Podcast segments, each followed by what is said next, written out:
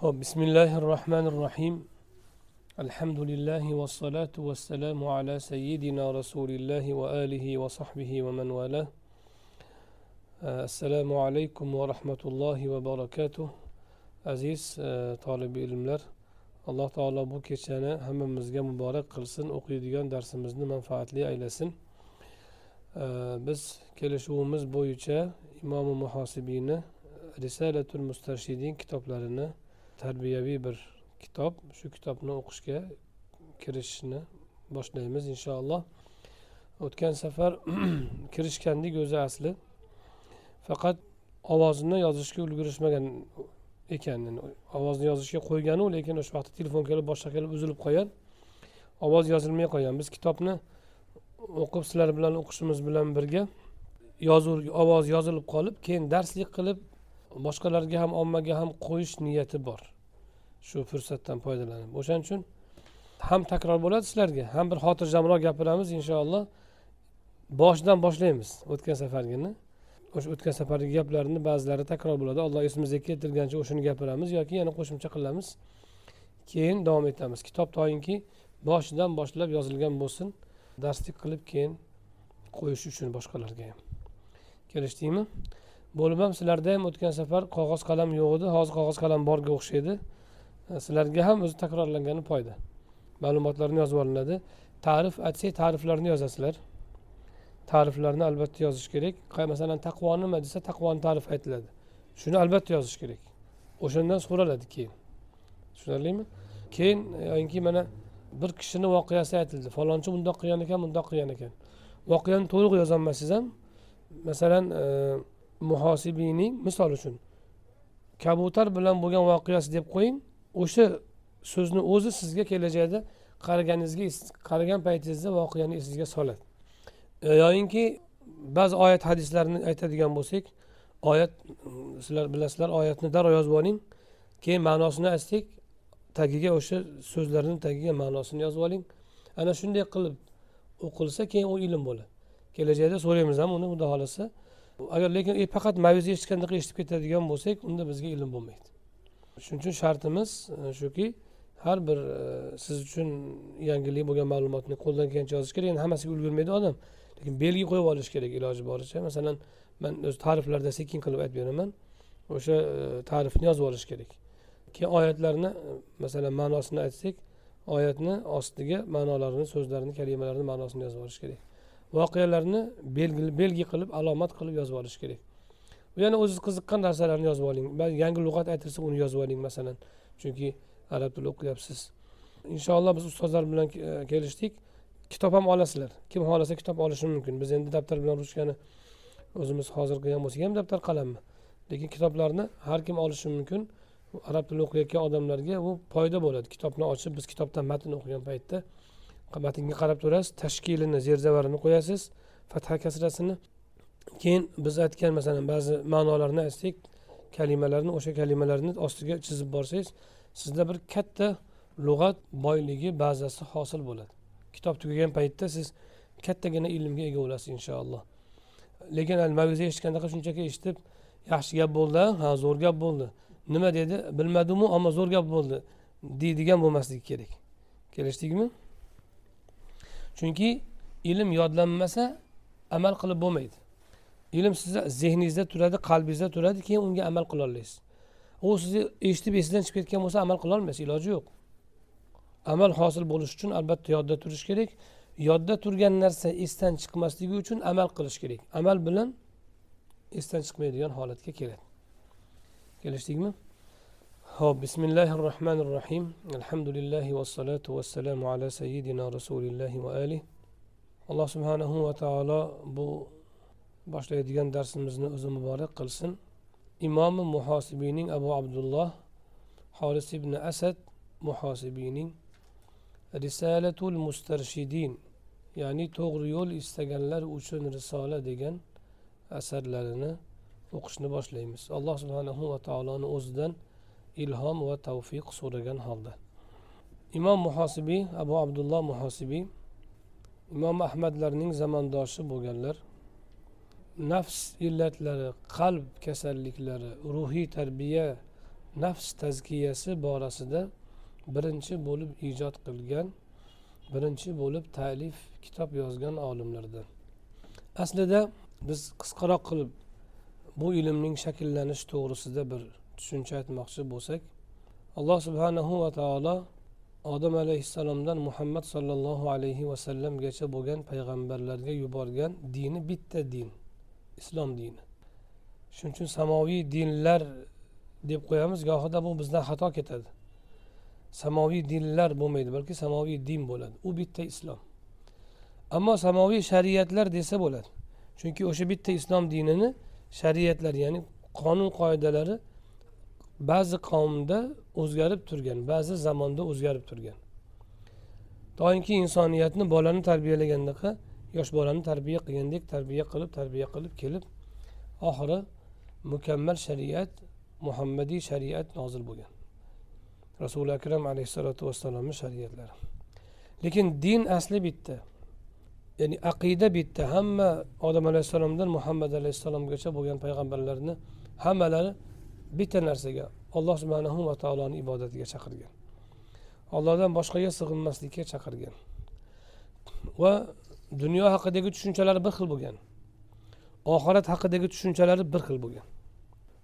Dunyo qarashlari umuman olganda bir xil bo'lgan. Faqat ba'zi hukmlar masalan namozni vaqtlari namozni necha marta o'qiladi necha rakat o'qiladi nima halol nima harom ba'zi narsalarda farq qilgan.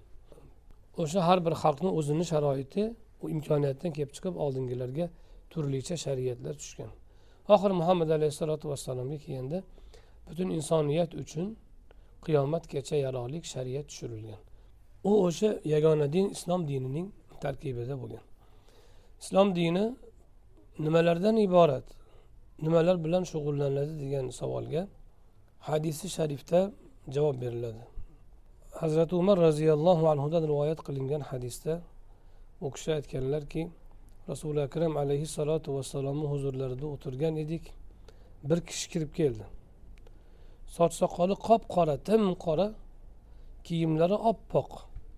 Bundoq qarasak madina ahlidanmi desak madina ahlidan emas chunki madina ahli bir birini tanigan kichkina joy bo'lgan madina. Payg'ambarimiz alayhissalom madinaga kelganlarida ko'chib taqriban yetti ming kishi bo'lgan musulmonu kofir qo'shilib g'ayri din qo'shilib. Yetti ming kishi hozir mana shu haysabiyadan ham chiqadi ozchilik bo'lgan o'shaning uchun bir birini tanigan kishilar haligi kelgan odamni madinadanmi desak madinadan emas madina ahlidan emas tanimadik musofirmikin desak safarni asorati yo'q chunki u paytlarda safarda odatda e, dashtlardan tuya minib ot minib kelishgan odam changga to'lib e, urinib yetib borgan bir joyga yetib borsa. Haligi kelgan odamni ko'rinishi yotog'idan hozir chiqqandek sokin unaqangi bir urindichilik chang chung yo'q g'ubor yo'q. Biz hayron bo'ldik bu odam musofir desak musofirga o'xshamaydi madinalik desak madinalik emas. Kelib rasuli akram alayhissalotu vassalomga salom berib izn so'radi u kishi izn berdilar kelib o'tirdi oldilariga tizzalariga tizzalarini qo'yib o'tirdi. Biz namozda o'tiramiz cho'kalab o'sha tarzda rasululloh o'tirgandilar xuddi o'sha u kishini o'tirganlaridek o'tirib u ham cho'kkaladida tizzasini rasulullohni tizzalariga yopishtirdi. Va qo'llarini rasuli akram alayhissalotu vassalomni tizzalari ustiga sonlari ustiga qo'ydi va savol bera boshladi. Ey muhammad islom nima? Rasulimiz alayhissalotu vassalom javob berdilar islom ollohdan o'zga iloh yo'q muhammad alayhissalotu vassalom allohning elchisi va bandasi bandasi va elchisi deb guvohlik berishing namozni ado qilishing namozlarni ro'zani tutishing zakotni berishing qodir bo'lsang haj qilishing dedilar. U kishi to'g'ri aytding dedi. Biz hayron bo'ldik bu tasdiqlayaptiya odatda savolni bilmaydigan odam so'raydi. Bilmagandan keyin u tasdiqlaydi tasdiqlash imkoni bo'lmasligi kerak. Nimaga bu odam tasdiqlayapti? Oldindan bilib turib so'rayaptimi? Biz hayron bo'ldik. Keyin so'radi iymondan xabar bering iymon nima? Aytdilarki alloh subhanahu va taologa uning farishtalariga kitoblariga rasullariga payg'ambarlariga ya'ni oxirat kuniga qazo va qadarning yaxshi yomoniga iymon keltirishing ya'ni tasdiqlab ishonishing. U kishi yana to'g'ri aytding dedi. Keyin aytdiki ehson nima? dedi ehson. Rasululloh aytdilarki alloh subhanahu va taologa uni ko'rib turgandek ibodat qilishing. Sen uni ko'rmasang u seni ko'rib turibdi ko'rib turadi dedilar. Keyin u kishi qiyomat alomatlarini so'rashga o'tdi. Qiyomat qachon dedi? U zot aytdilarki so'ralguvchi so'rovchidan ko'ra ko'proq bilmaydi buni.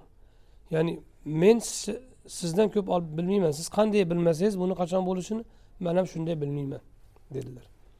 Alomatlari nima dedi? Qiyomatni alomatlari nima? Aytdilarki cho'ri o'zini hojasini tug'ishi. Cho'ri ayol kishi tuqqan bolasi o'ziga xo'jayin bo'lib olishi. Yalang oyoq kambag'al qo'yboqar kishilarning kim baland imora qurishda o'zish o'ynashlari dedilar.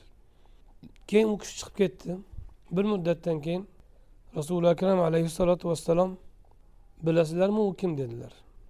Abu hurara roziyallohu anhuni rivoyatlarida chiqinglar u kishini qaranglar ketdimikin yoki chaqiringlar dedilar. Mehmonni orqasidan yugurib chiqishganida chiqishsa hech kim yo'q. Odatda chiqqan odam yurib ketadi. Orqasidan chiqqan odam ko'ra olish kerak. Borib chaqirishga imkon bo'lishi kerak. Ortidanlar chiqishsa tashqarida yo'q. Qaytib kirishdi. Shunda rasuli akram alayhissalotu vassalom so'radilar. Bilasizlarmi u kim? Alloh va rasuli bilguvchidir deyishdi. Shunda payg'ambarimiz alayhissalotu vassalom u jabroil alayhissalom dedilar. Sizlarga diningizni o'rgatgani keldi dedilar. Mana shu hadis sharifdan biz dinning asosiy uchta jabhadan uchta katta mavzudan iboratligini ko'ramiz. Birinchisi islom. Islom nima deb so'radilar? Ikkinchisi iymon. Iymon nima deb so'radilar? Javob berdilar. Uchinchisi ehson nima dedilar? Uchinchisi ehson. Bu uchalasi uchala soha keyinchalik shariat ilmlarida islom deganimiz fiqh ilmi bo'lib shakllangan iymon deganimiz aqida ilmi bo'lib shakllangan ehson deganimiz tazkiya yoki tasavvuf ilmi bo'lib shakllangan. Demak insonni mana shu uchala jabhada to'la islomga amal qilishi uni musulmon qiladi. Odam musulmon bo'lish uchun uchalasida ham islomni ta'limotini olish kerak amal qilish kerak. Endi nima uchun shu uchala jabha din shundan iborat? Chunki insonni biz vujudiga qaraydigan bo'lsak inson faqat shu bosh oyoq ko'z shu suvak teri shundan iboratmi? Unda boshqa vujud boshqa borliq ham bormi? Deb savol beramiz. Savol bersak bilamizki unda jon bor ruh bor. Har kim o'zida his qiladi buni. Bunga katta ilm tashqaridan ma'lumot ham shart emas. Har kim o'zi biladi unda ruh bor jon bor. Va o'sha ruhda inson o'zini taftish qilsa va bu ilmiy isbotlangan narsa har kim o'zi bilishi mumkin. Tuyg'ular bor va aql yuritish qobiliyati bor. Aql bor va aql quvvati bor va hissiyot quvvati bor. Demak inson tanasi bor ruhi bor ruhida tuyg'u hissiyot quvvati bor va aql tafakkur quvvati bor. Islom insonning saodati uchun kelgan ekan va insonni yaratgan zot alloh subhanahu va taolodan nozil bo'lgan ekan. Insonning butun borlig'ini qamrash kerak edi. Shuning uchun qamrash uchun uni uchala jabhasiga ham ta'limot berish kerak xitob qilish kerak. Shu ma'noda uning tanasiga doir o'zini ta'limotlarini aqliga doir shuningdek tuyg'ulariga qalbiga doir o'zining ta'limotlarini berdi. Tanasiga doirlari islom. Uni fiq deb keyin E, alohida ilmga aylantirishdi. Aqliga doirlari nimaga ishonish kerak nima deb ishonish kerak nimalarga ishonmaslik kerak? Bu e, aqlga xitob bu iymon deb ataldi keyinchalik aqida aqida ilmi bo'ldi. Qalbiga tuyg'ulariga doir ahkomlarni ham qalbiga ruhiyatiga doir ahkomlarni ham tushirdi. U ehson deb ataldi. U E, tasavvuf deb yoki tazkiya deb shakllandi keyinchalik. Ehson islom degani to'la taslim bo'lish degani. Banda alloh subhanahu va taoloning amrlariga talablariga to'la taslim bo'lsa shu odam islom egasi shu odam musulmon. Iymon ishonish degani tasdiqlash rost deb bilish degani. Ehson bir narsani do'ndirib bajarish degani. Bir narsani qoyillatib bajarsa ehson deydi. Yaxshi go'zal suratda bajarsa ehson deyiladi.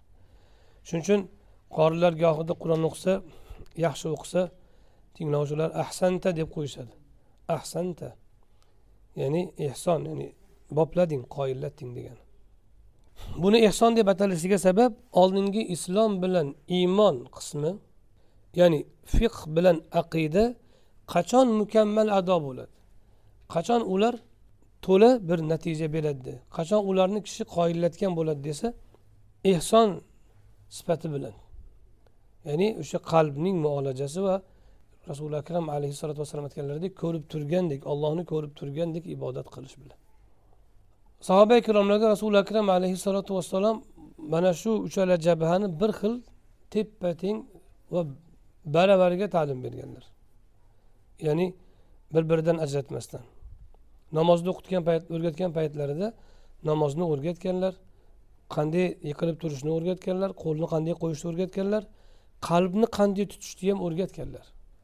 Qaysi e'tiqodda turishni ham o'rgatganlar. Bir yo'la hammasini qo'shib o'rgatganlar. Ro'zani o'rgatganda ham xuddi shundoq o'rgatganlar. Yemay ichmay yurishni ham o'rgatganlar. Axloq tarbiyasini ham ro'zani ichida o'rgatganlar qo'shib. Kimiki agar yolg'on gapirishdan qolmasa och yurib chanqab yurganini foydasi yo'q deb. Va alloh subhanahu va taoloni doimo muroqabasi ya'ni allohni ko'rib turgandek mushohadasi bilan yashashni ham o'rgatganlar qur'oni karim ham xuddi shunday. Bitta oyatni o'zida amalni o'ziga ham buyurgan o'sha amalda qalbni qanday tutishga ham buyurgan qaysi e'tiqodda turishni ham qo'shib buyurgan. Bir yo'l. Alohida ajratib ta'lim bermagan. Sahoba ikromdan ham shu olgan ta'limlarini tobiinlarga keyin ular keyingilarga taqdim qilishgan. Lekin keyingi davrlarga kelib taba tobiinlar va ulardan keyingi davrlarga kelib bu ilmlarni bir kishi yaxlit jamlashi qiyin bo'lgan. Shuning uchun ta'lim berishga oson bo'lsin uchun ularni sohalar bo'yicha taqsimlab jamlash tartiblash ilmiy bir jarayoni yo'lga tushgan. Shunda ba'zi olimlar hazrati imom ya'ni abu hanifa rahmatullohi alayh hazrati imom shofiy imom molik imom ahmad alayhimurrahma kabi ulamolar katta mujtahidlar islom jabhasini ya'ni insonning zohiriy amallari va muomalalariga doir allohning ahkomlarini kitobi sunnatdan terib jamlab boblab tartiblashga kirishgan shunda fiq kitoblari tashkil topgan ulardan keyin namoz kitobi ro'za kitobi haj kitobi savdo sotiq kitobi nikoh kitobi taloq kitobi bo'lib shakllangan. Yana boshqa ulamolar e'tiqodga doir masalalarni kitobi sunnatdan jamlashgan va buzuq e'tiqodlarga javob berish uchun kitobi sunnatdan jamlangan o'sha aqida ta'limotini boblarga fasllarga bo'lib shakllantirishgan. Odamlar uni o'rganishi oson bo'lsin o'zlashtirishi oson bo'lsin uchun. Chunki oldingidaqa sahoba ikromlardaqa e, katta himmat va rasuli akram alayhissalotu vassalomdek ta'limdagi barakotlik sharoit endi bo'lmay qolgan. Shu asnoda mana fiqh ilmi aqida ilmi ulamolari o'sha sohalarni shakllantirishlari barobarida ba'zi olimlar qalb ilmiga doir ruhiy tarbiyaga doir nafsni poklashga doir chunki insonning ichki olami ham alohida o'rganilishi kerak. Bunga doir ahkomlarni alohida kitobi sunnatdan jamlab o'rganib jamiyatda o'rganib odamlarni orasida ham bo'lgan muammolarni jamlab alohida bir yo'nalish alohida bir fanga asos solishgan u ilgari tarbiya yoki ruhiy tarbiya tazkiya deb nomlanib tasavvuf deb atalgan ham. Chunki masalan kishi namozni o'tirib turishini o'rgandi. Beli tekis turibdi rukuda lekin qalbi qaysi holatda? Qalbi ham ta'zim qilyaptimi? Egilgan paytda rukuga yoki ta'zim qilmayaptimi? Agar qalbi ham ta'zim qilayotgan bo'lmasa u egilishi behuda bo'lib qoladi. Bir kishi boshini yerga qo'yyapti sajda qilib. Fiq aytadiki chig'anog'ingni qo'yma dangasiga o'xshab qolasan erinib sajda qilayotganga o'xshab qolasan chig'anog'ingni qo'yma deydi. Barmoqlaringni to'g'riga qarat deydi qiblaga. Burning ham peshonang ham tegsin bittasi tegib ikkinchisi tegmay qolmasin deydi. Ho'p shuni qildi sajda mukammal bo'ldi suratda. Qorning tizzangga yopishmasin orasi ochiq tursin deydi. Oyog'ingni barmoqlarini ham qiblaga qaratgin sajdada turgan paytingda. Deb aytadi payg'ambarimiz alayhissalotu vassalom yettita suyak bilan sajda qilishga buyurildim deganlar. Ikkala tizza ikkala qo'l peshona burun. Yo peshona va ikkita oyoqni uchi. Ikkita tizza ikkita oyoq ikkita qo'l oltitami peshona yoki yuz deyishimiz mumkin. Bularni qo'ydi. Endi shu bilan sajda ado bo'ldi zohirda. Lekin sajdadan ko'zlangan maqsad hosil bo'ldimi? Olloh nimaga sajdaga buyurgan edi o'zi asli? Shunchaki badan mashq qilmidi yoki boshqa narsamidi? Boshqa narsa edi. Yuzni qo'yishdan yerga maqsad yerga yuzni qo'yishdan maqsad alloh taologa taslim bo'lganligini izhor qilish. Va uni ulug'lashini izhor qilish edi. Men sajda qilyapman peshonam tegyapti qo'lim turibdi joyida barmoqlarim to'g'riga qaragan. Lekin hayolim qayerda?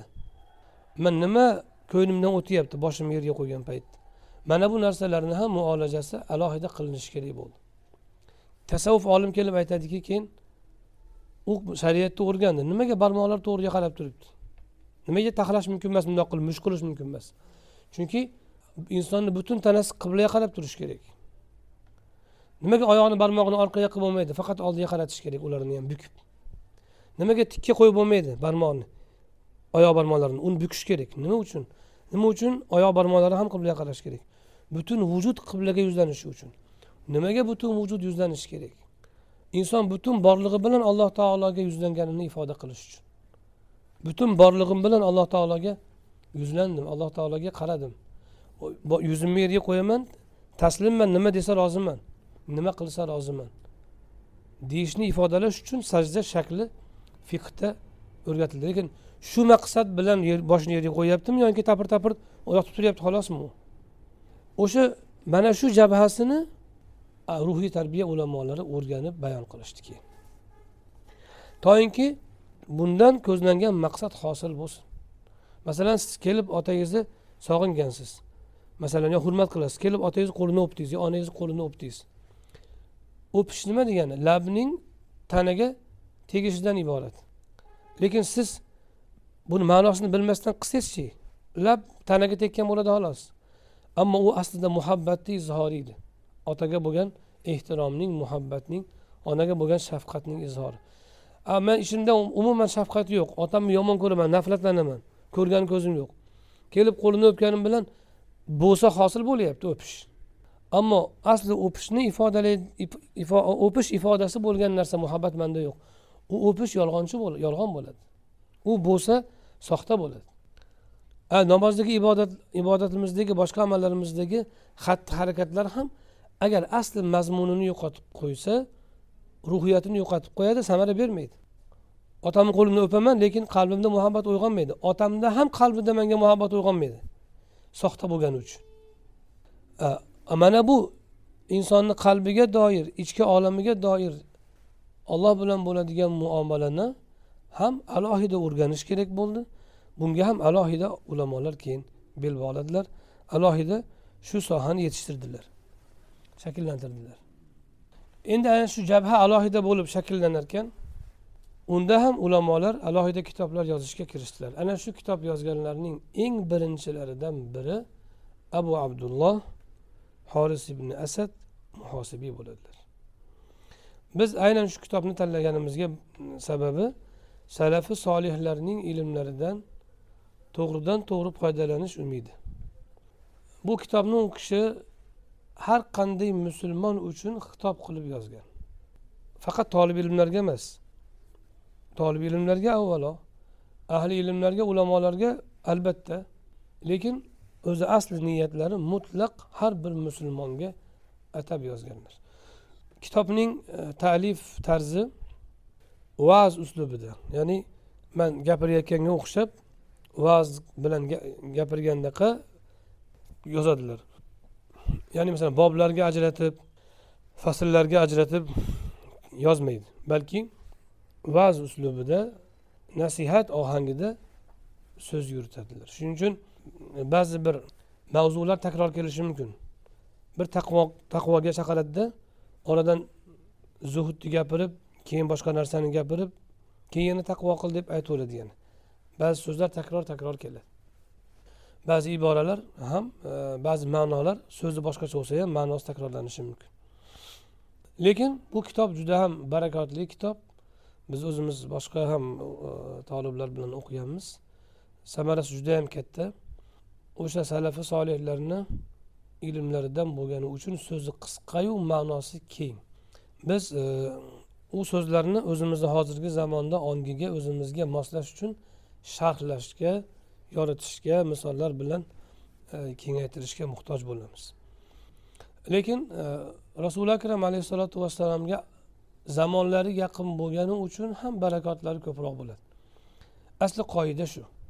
Rasuli akram alayhissalotu vassalomga pastdan chiqsak agar yaqinlashganimiz sari ulug' kishilarni ko'proq topamiz yetuk insonlarni ko'proq topamiz so'zlarini yana ham yetukroq buyukroq ekanini ko'ramiz lafzlari qisqa ma'nolari chuqur bo'lganini ko'ramiz va ta'sirlari kuchli ekanini ko'ramiz. Bu rasuli akram alayhissalotu vassalomni barakotlari. U zotdan tarqalgan sahoba ikromlarni qalblariga o'tgan nur hozirgacha qalbdan qalbga avloddan avlodga ko'chib keladi. Ammo o'sha birinchi pallasidagi ta'siri borgan sari kamayib kelgandek bo'ladi. Asli nur o'zi kamaymaydi lekin qabul qiluvchilarning qabuli kamayib keladi. Rasuli akram alayhissalotu vassalom anas ibn molik aytganlaridek bir chiroq edilar. Olamni yoritib turgan. Vafot etdilaru olam zimiston bo'ldi deganlar. Muhosibiy ham rasuli akram alayhissalotu vassalomga bizdan ko'ra ming yil yaqin. O'shaning uchun u kishini so'zlari rasuli akram alayhissalotu vassalomni zamonlariga yaqin sahoba tobiinlarni so'zlarini e, samarasi xolis hosilasi bo'lgani uchun barakotli ta'sirli bo'ladi. Biz ana shundan umid qilib bu kitobni boshlaymiz. Imom muhosibiy ikki yuz qirq uchinchi hijriy yili vafot etganlar. ikki yuz qirq uchinchi hijriy yili. ikki yuz ellik oltinchi yili imom buxoriy vafot etganlar. Buxoriylardan biroz kattaroq bo'lgan ya'ni. bir yuz oltmish to'rtinchi yil tug'ilganlar. Imom buxoriy bir yuz to'qson to'rt tug'ilganlar. Shunaqami? bir yuz to'qson to'rt tug'ilgan bo'lsalar imom buxoriydan demak o'ttiz yosh katta bo'lganlar. Biz ko'proq shu imom buxoriy hazrati imomga o'xshagan kishilarni yillarini saqlab shularga misolan boshqalarini eslab qolsak esimizda yaxshiroq qoladi. Imom buxoriy bir yuz to'qson to'rtinchi yil tug'ilib ikki yuz ellik oltinchi yil vafot etganlar. Shundayam oltmish ikki yoshda vafot etganlarda oltmish uchga o'tib. Hazrati imom yetmish saksoninchi yil tug'ilib bir yuz elliginchi yil vafot etganlar. Imom buxoriy bir yuz to'qson to'rt tug'ilib ikki yuz ellik olti vafot etganlar. Imom muhosibiy bir yuz oltmish to'rt tug'ilib ikki yuz qirq uch vafot etgan ekanlar. Imom buxoriydan o'ttiz yosh katta bo'lganlar lekin uzoqroq umr ko'rganlar.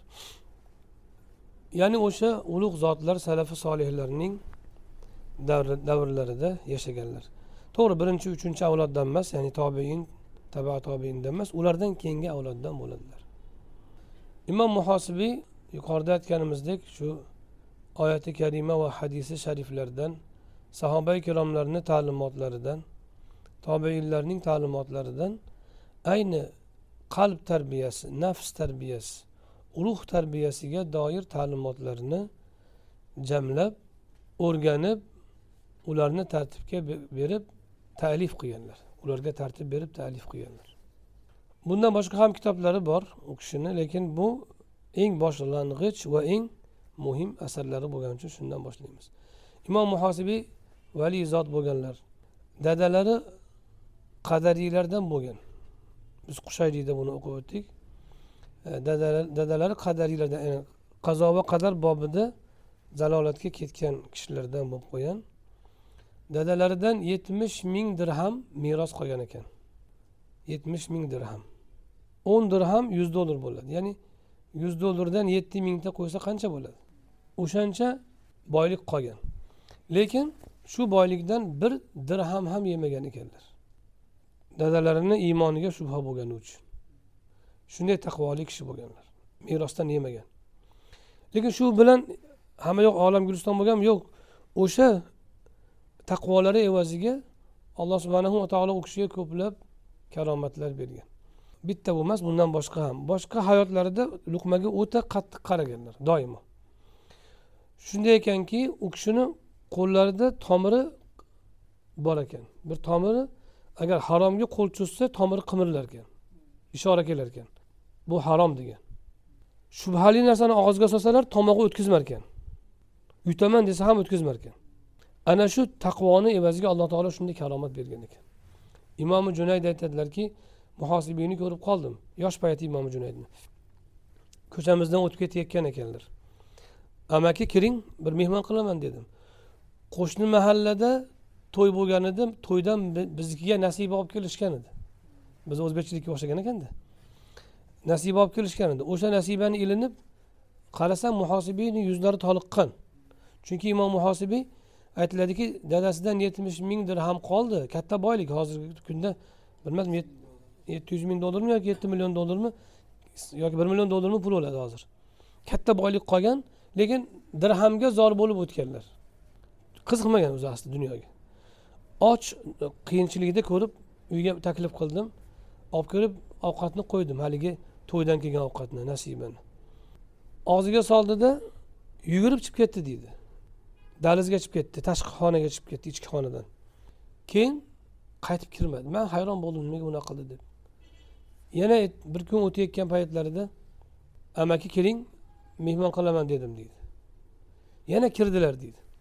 Lekin kirganda hech narsa yo'q edi. O'zimni uyimdagi o'zim yeydigan tolqon yoki qattiq non bor edi xolos. O'shani tortiq qildim u kishiga. U kishi haligini yedilarda maza qilib yedilarda aytdilarki bizga o'xshagan odamga agar bir faqirga deb aytganlar ya'ni. Bir faqirga agar ya'ni tasavvuf yo'lidagi kishiga agar ovqat tortiq qilmoqchi bo'lsang shunaqasini bergin. O'tgan safargidaqasini bermagin.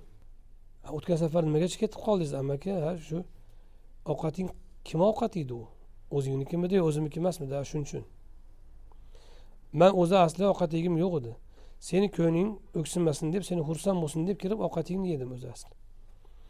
Manda shunaqa olloh bir alomat berganki shubhali narsani og'zimga solsam tomog'im qabul qilmay chiqarib yuboradi o'shuning uchun yutolmadim yugurib chiqib ketib dalizga tashladimu undan keyin qaytib kelmasdan ketaverdim. Bizga o'xshagan odamga faqirga agar mehmon qilmoqchi bo'lsang shunaqa narsa bergin shunaqa qattiq non bergin bizga.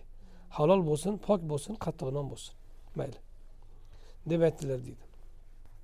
Imom muhosibiyni o'sha daqiq nafsning illatlari qalbning kasalliklari to'g'risidagi darslari iymondan islomdan bo'lgan darslariga kishilar juda ham mushtoq bo'lishgan. Imom ahmad eshitarkanlar bir shogirdi biznikida muhosibiy kelib dars qilyapti deb aytarkan. Imom ahmad u darsga qatnashmagin derkan. Keyin aytibdiki bir kun shogirdlari imom ahmadni shogirdlari muhosibiy kelsa mani chaqirgin debdilar imom ahmad. Keyin bordim deydi chaqirdim deydilar imom ahmadni. Falon kuni kechqurun kelishadi dedi.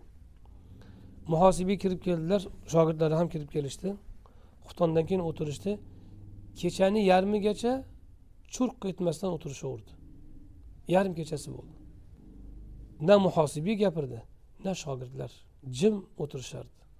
Bu ham bizga bitta nuqta beradiki zikr bilan mashg'ul bo'lganlarini xushu bilan bo'lganlarini bildiradi. Ilm bu ma'lumot tashish ko'p gapirish emasligini bildiradi. Yarim kechasigacha biror kishidan biror kalima chiqmadi hamma jim o'tiraverdi.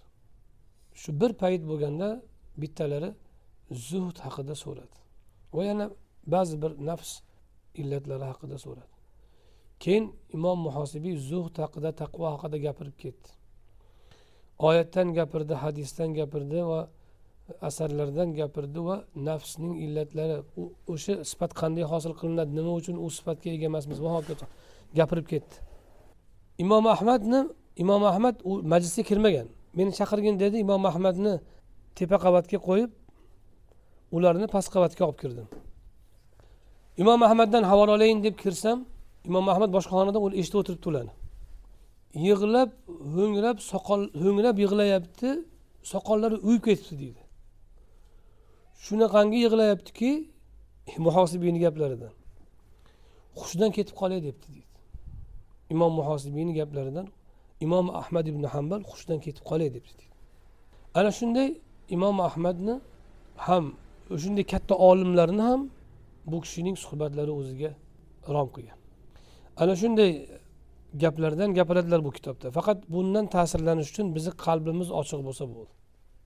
Chelakni teskari qilib qo'ysangiz osmondan jala quysa ham suv to'planmaydi chelak to'g'ri turgan bo'lsa keyin unga suv to'planadi qalb teskari bo'lsa ta'sir olmasligi mumkin shuning uchun qalbimizni berib ruhimizni berib chin yurakdan eshitsak ixlos bilan bu kishini so'zlarini inshaalloh alloh bizni qalbimizga ilmni to'ldiradi imom ahmad ibn hambaldek mujtahid zotlar bir million hadisni qo'li bilan yozgan allomalarni ham imom muhosibiyni botiniy ilmlardagi mahorati qoyil qoldirgan. Imom ahmad aytgan ekanlarki zuhd haqida taqvo haqida bu muhosibiy aytgan gapni man eshitgan emasman degan ekan. Bunaqa gaplarni men ham eshitgan emasman degan ekan. Imom muhosibiy vafotlaridan oldin aytgan ekanlarki o'sha bemor yotgan paytlarida agar o'limim oldida jonim chiqishi oldida tabassum qilsam agar menga o'zimga yoqqan narsa man istagan narsa ko'rsatilsa bir tabassum qilaman. Agar unday bo'lmasa men tabassum qilmayman jon berishda debdi. Vafotiga hozir bo'lganlar aytadiki muhosibiy tabassum qildilar keyin jon berdilar chunki odamga vafotidan oldin o'limi oldidan boradigan joyi ko'rsatiladi ko'pincha. Boradigan joyi jannat bo'lganda xushnud bo'ladigan bir ne'matni ko'rganda inson beixtiyor tabassum qilib yuboradi o'sha vaqtda joni chiqsa bilingki u kishi jannatni ko'rib joni chiqqan bo'ladi. Buni alloh taolo nimaga ko'rsatadi? Jon berishi oson bo'lsin uchun. Jon achchig'i oson kechsin jon chiqishi achchig'i oson kechsin uchun ba'zi bandalarga ko'rsatadi boradigan joyini toinki xursand bo'ladi. Imom muhosibiy ana shunday tabassum bilan jon berdilar. Shunday jannatni ko'rib ya'ni vafot etdilar deydilar ana shunday ixlosli kishi bo'lganlar. Boshqa bir o'rinda ham aytganmiz u kishini ixlos bilan amal qilishlariga misol ma'rifat haqida kitob yozdim deydilar ma'rifat degani alloh subhanahu va taoloni tanish ollohni bilish ilmi. Ma'rifat haqida kitob yozdim. Bir kun o'zim yozgan asarni varaqlab ko'zim quvnab o'tirgandim quvonib xursand bo'lib yozgan narsamdan.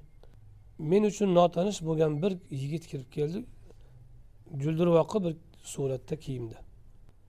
Salom berdi haligi oldim. U meni savolga tutdi. Aytginchi ma'rifat allohning bandalarining zimmasidagi haqqimi? Bandalarning allohning zimmasidagi haqqimi? Men allohning bandalarining zimmasidagi haqqi dedim. Unda u zot o'zining haqqini undirib olishga o'zi yetadi dedi menga.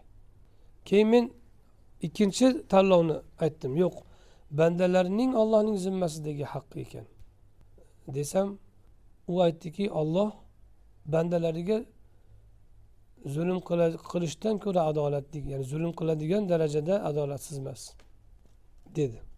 Va chiqib ketdi. Shundan keyin men kitobni olib yuvib tashladim qaytib ma'rifat to'g'risida kitob yozmadim degan.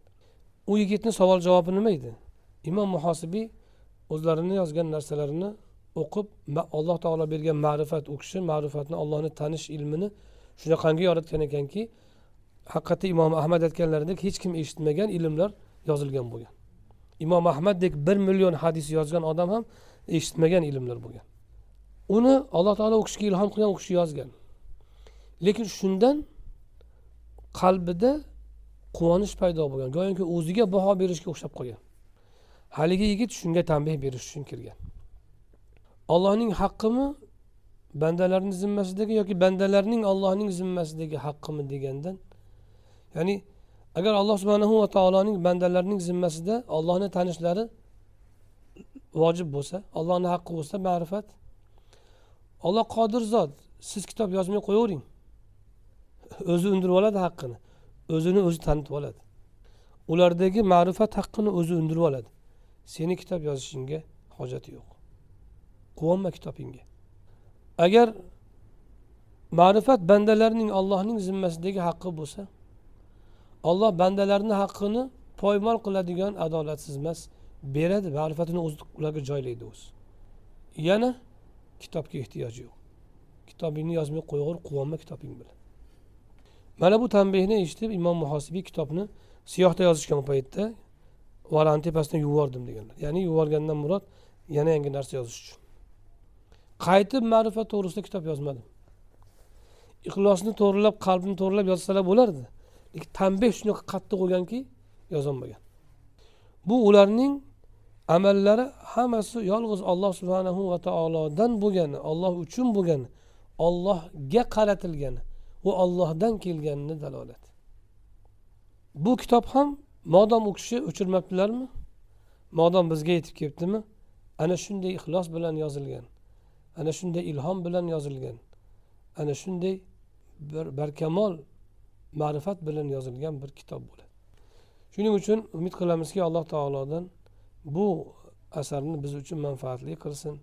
Har bir so'zini qalbimizga kirib borishini hayotimizda tatbiq bo'lishini ruhimizga singishini vujudimizni o'zgartirishini hayotimizni yaxshilikka mutlaq burib tashlashini alloh taoloni o'zidan so'rab qolamiz. Chunki agar banda agar o'zi hidoyatni istamasa unga payg'ambar ham nasihat qilib hidoyatni bera olmaydi. Rasuli akram alayhissalotu vassalomni ko'rib turib mo'jizalarini ko'rib turib yonlarida yurib turib kofir bo'lganlar qancha bo'lgan? Birga namoz o'qib turib zohirda o'zini musulmon ko'rsatib o'zini ibodatli ko'rsatib mujohid ko'rsatib zohirda. Qalbida ikkilanib qaragan munofiqlar qancha bo'lgan?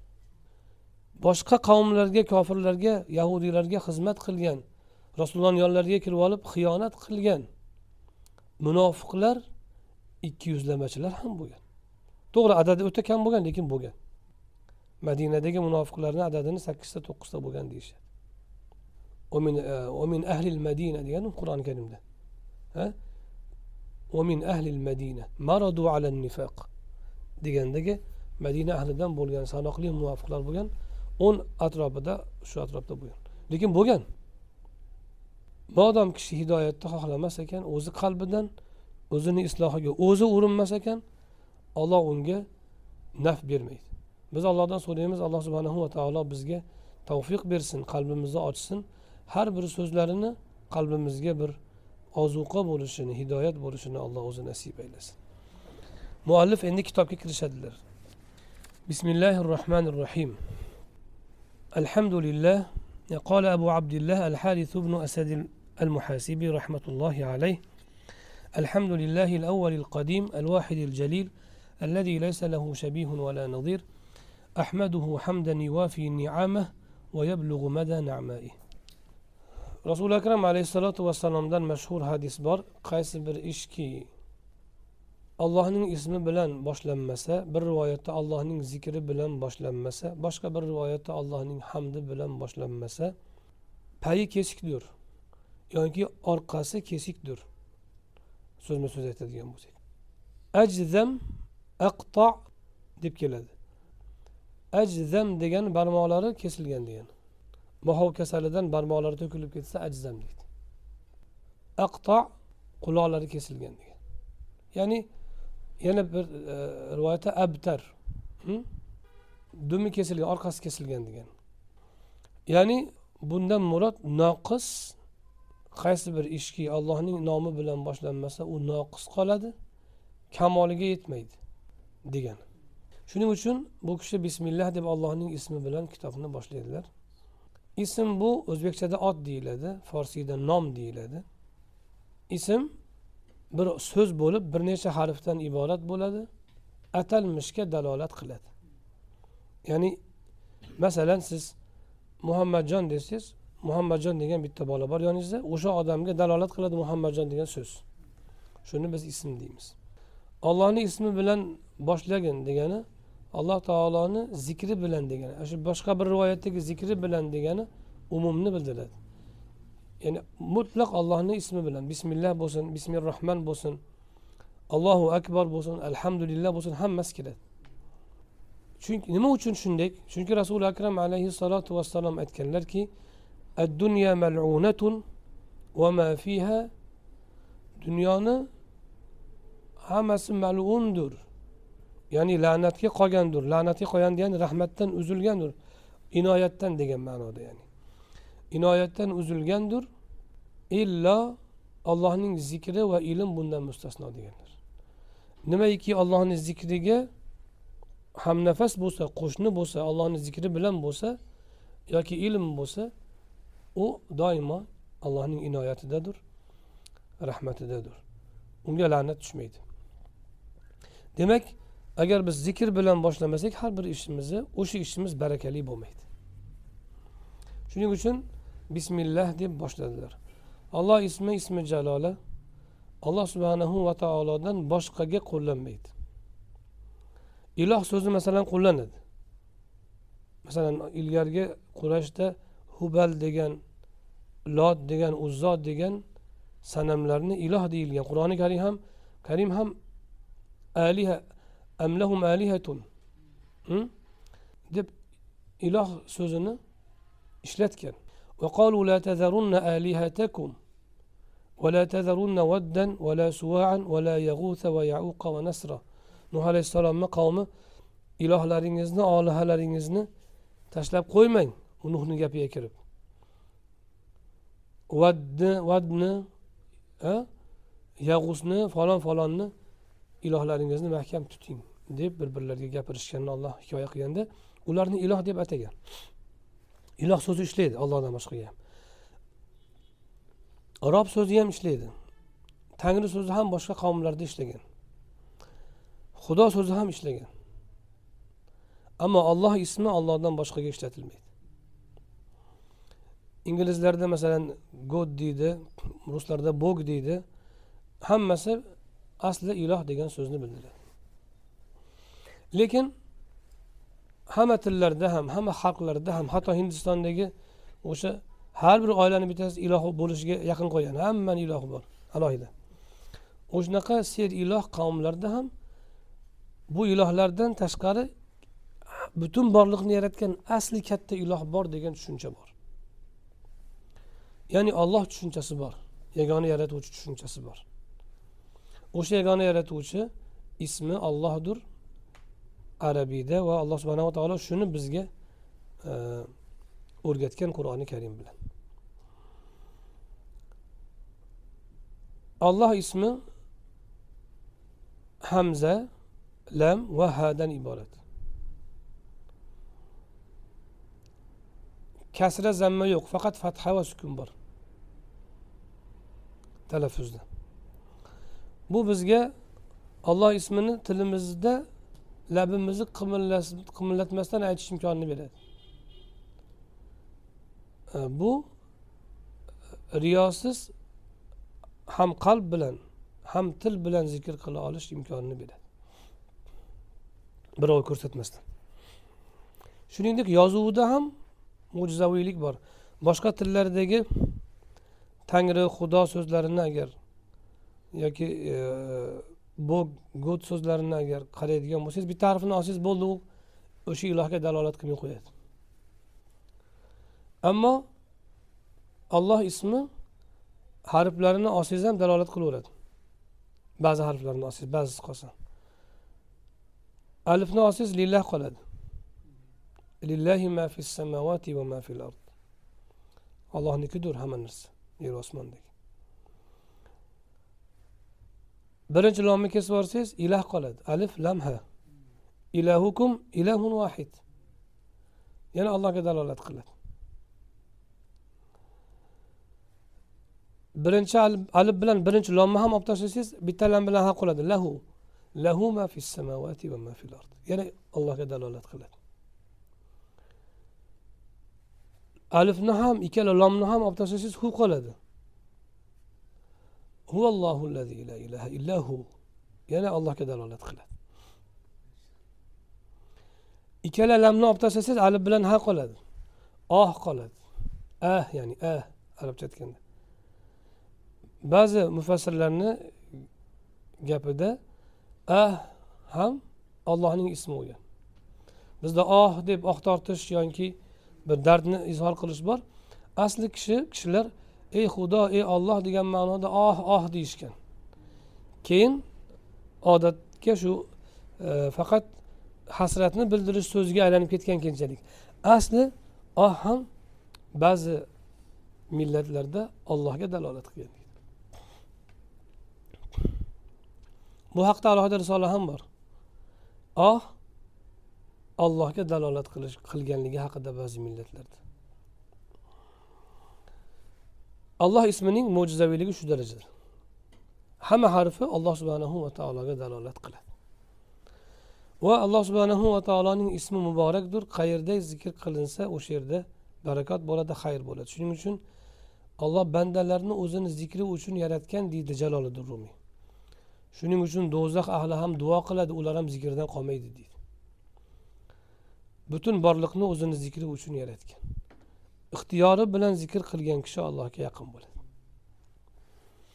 Ana ismi jaloli butun borliqni yaratgan sizu bizni yaratgan barcha kamol sifatlariga ega barcha nuqsondan pok yagona iloh alloh subhanahu va taoloning atoqli ismidir.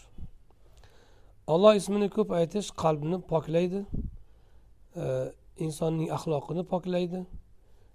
Qalbini nurafshon qiladi nurga to'ldiradi. E, vujudini muborak qiladi. Hatto ulamolar aytadiki zikri ko'p bo'lgan kishining tanasidan bakteriyalar qurib ketadi deydi. Shunday kishilarning tanasini tanasi yerda chirimaydi chunki yerga qo'yilgan paytda tanani ichidan bakteriya chiqib uni chiritadi o'zi asli. O'shalar zikr bilan yo'qoladi deydi. Shuning uchun ollohni oshiqlarini tanalari chirimaydi deydi. Olloh ismini ko'p aytish kerak. Bizga ko'pincha e, shu ko'pincha yigitlardan keladi shikoyat ko'zimizni qanday haromdan tiyamiz deb. Eng yaxshi yo'li alloh subhanahu va taoloning azamatini his qilgan holda olloh olloh olloh deb qalbda ko'p aytsa shu kishi gunohlardan oson to'xtaydi. Nafs o'zi egiladi qalb shunday quvvatga ega bo'ladi. Albatta allohni o'zidan madad so'ragan holda. Keyingi ism ar rohmanir rohim rahmon ham rohman ham rohim ham bitta o'zakdan rahmat so'zidan olingan. Rohima ro ha mim harflaridan olingan. Rahmat. Insonlarda rahmat. Qalbning yumshashi dilning yumshashi deb bilinadi. Ammo alloh subhanahu va taoloda bunday kechinma bo'lmaydi. Chunki alloh maxluqlarga o'xshamaydi. Shuning uchun rahmati bor. U qandoq u nima u kayfiyat qanaqa bilmaymiz. Olloh o'zi biladi. Chunki ollohni zotini biz tasavvur qilolmaganimizdan keyin uning sifatlarini ham baholay olmaymiz tasavvur qilolmaymiz ammo rahmati borligiga iymon keltiramiz. Lekin rahmatni biz natijalaridan alomatlaridan samaralaridan bilamiz. Samaralar rahm shafqat shafqat ko'rsatishi mehribonlik qilishi hm?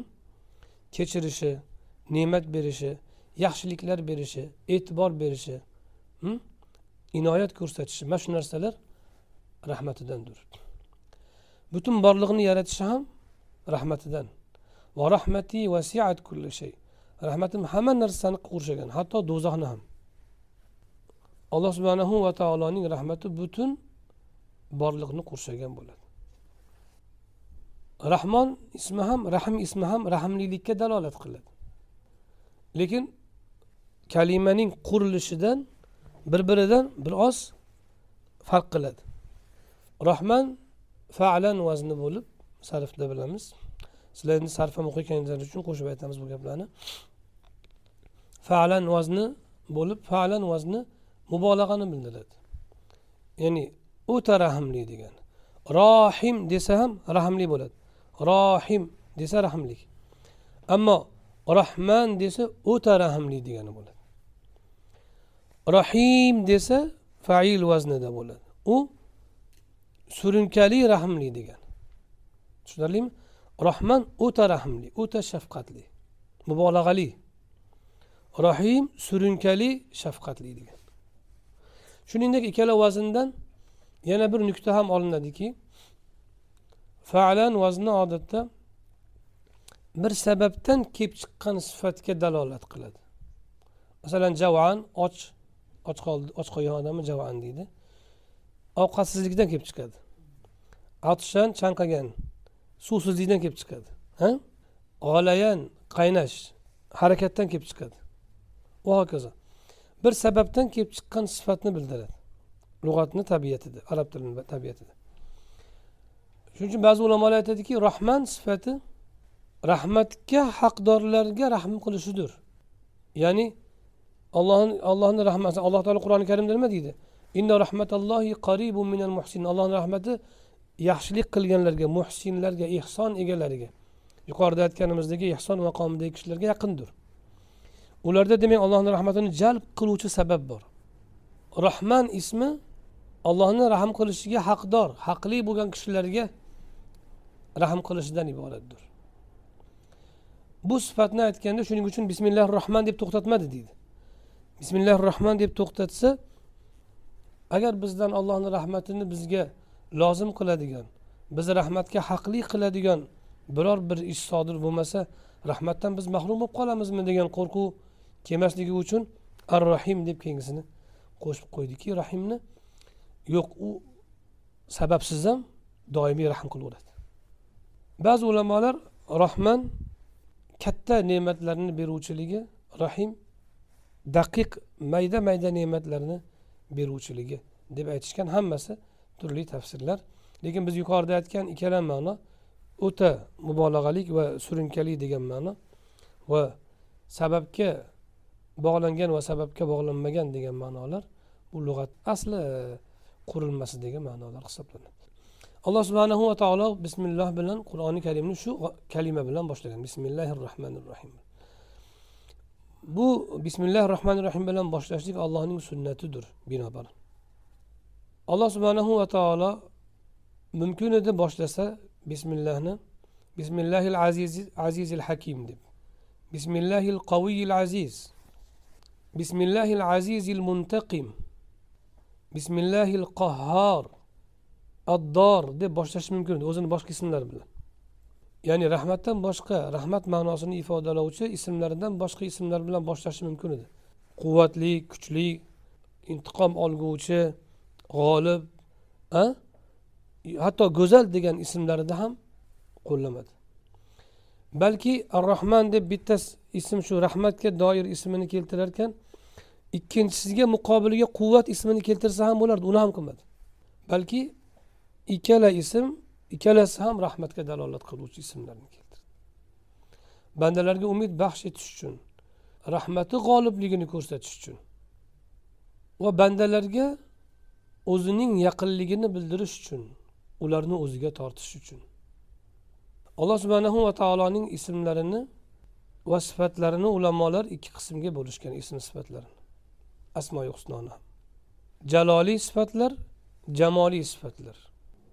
Qaysi bir sifatlariki bandalarga kenglik olib kelsa yengillik olib kelsa uni jamoliy sifatlar deyiladi. Jamol go'zallikdan olingan. Qaysi bir sifatlariki allohni quvvatini shiddatini ko'rsatsa bandalarni ojizligini e, ko'rsatsa ya'ni bandalarni allohni oldida ojizligini isbotlaydigan sifatlari bo'lsa yoki allohni quvvatini shiddatini ko'rsatsa ularni yoki yoki ulug'ligini buyukligini haybatiga dalolat qilsa u ismlarni jaloliy sifatlar ulug'vorlik sifatlari deyishadi. Jamoliy sifatlar jaloliy sifatlar ya'ni go'zallik sifatlari ulug'vorlik sifatlari ikkiga bo'lishadi. Rahman va rahim jamoliy sifatlardan bo'ladi. Alloh subhanahu va taolo o'zining kalomini bismillahi rohmanir rohim bilan boshlash va hamma ishni shu bilan boshlashni sunnat qilishi allohning rahmati g'olibligi va butun borliqni rahmati bilan o'rab turishini ko'rsatadi. Va bizga ham alloh subhanahu va taologa uning sifatlari bilan sifatlanib taqarrub hosil qilish uchun rahmli shafqatli bo'lishni o'rgatadi. Allohni shu sifatini o'zimizga olishimiz lozimligini ko'rsatadi. Bismillahi rohmanir rohim mehribon o'ta mehribon. Va doimiy rahmli alloh subhanahu va taoloning ismi bilan boshlayman deb boshladilar. Bismillahi rohmanir rohimda boshlayman degan so'zi yo'q o'zi asli. U qoida bo'yicha hazf qilingan ma'lum bo'lgani uchun. E, O'chirib yuborilgan zikr qilinmaydi. Abtadiu bismillahi deyilmaydi. Boshlayman. Yoki bismillahi abtadiu deyilmaydi. Nimaga? Mutlaq qolishi uchun allohni ismi. Va nutq ollohni ismi bilan boshlanishi ismillah bilan boshlanishi uchun. Bismillahi rohmanir rohim yozilishiga ham bitta e'tibor qilib qo'yasizlar. Bismillahi rohmanir rohimda badagi alif yozilmaydi. O'zi ism so'zida alif bo'ladi to'g'rimi? Ism so'zida alif bo'ladi. Ba alif sin mim yozilishi kerak. Lekin bismillahi rohmanir rohimda alif yozilmaydi. Qur'oni karimda shunday yozilgani uchun sahobalar shunday yozgan. Ko'p qo'llanganidan alif tushib qoladi deyishadi. Ammo siz agar bismillahi rohmanir rohim deb butun yozsangiz bir kitobga yozmoqchisiz yo daftarga yozmoqchisiz? Alif yozmaysiz. Bismillahi rohmanir rohim butun yozsangiz. Ba sin mim yozasiz boshida. Lekin bismillahni o'zini yozsachi unda alif yoziladi. Bismillahni o'zini yozsa alif yoziladi. Ba alif sin mim yoziladi. Masalan siz kitobni bismillah deb boshlamoqchi bo'lsangiz ba alif sin mim yozasiz.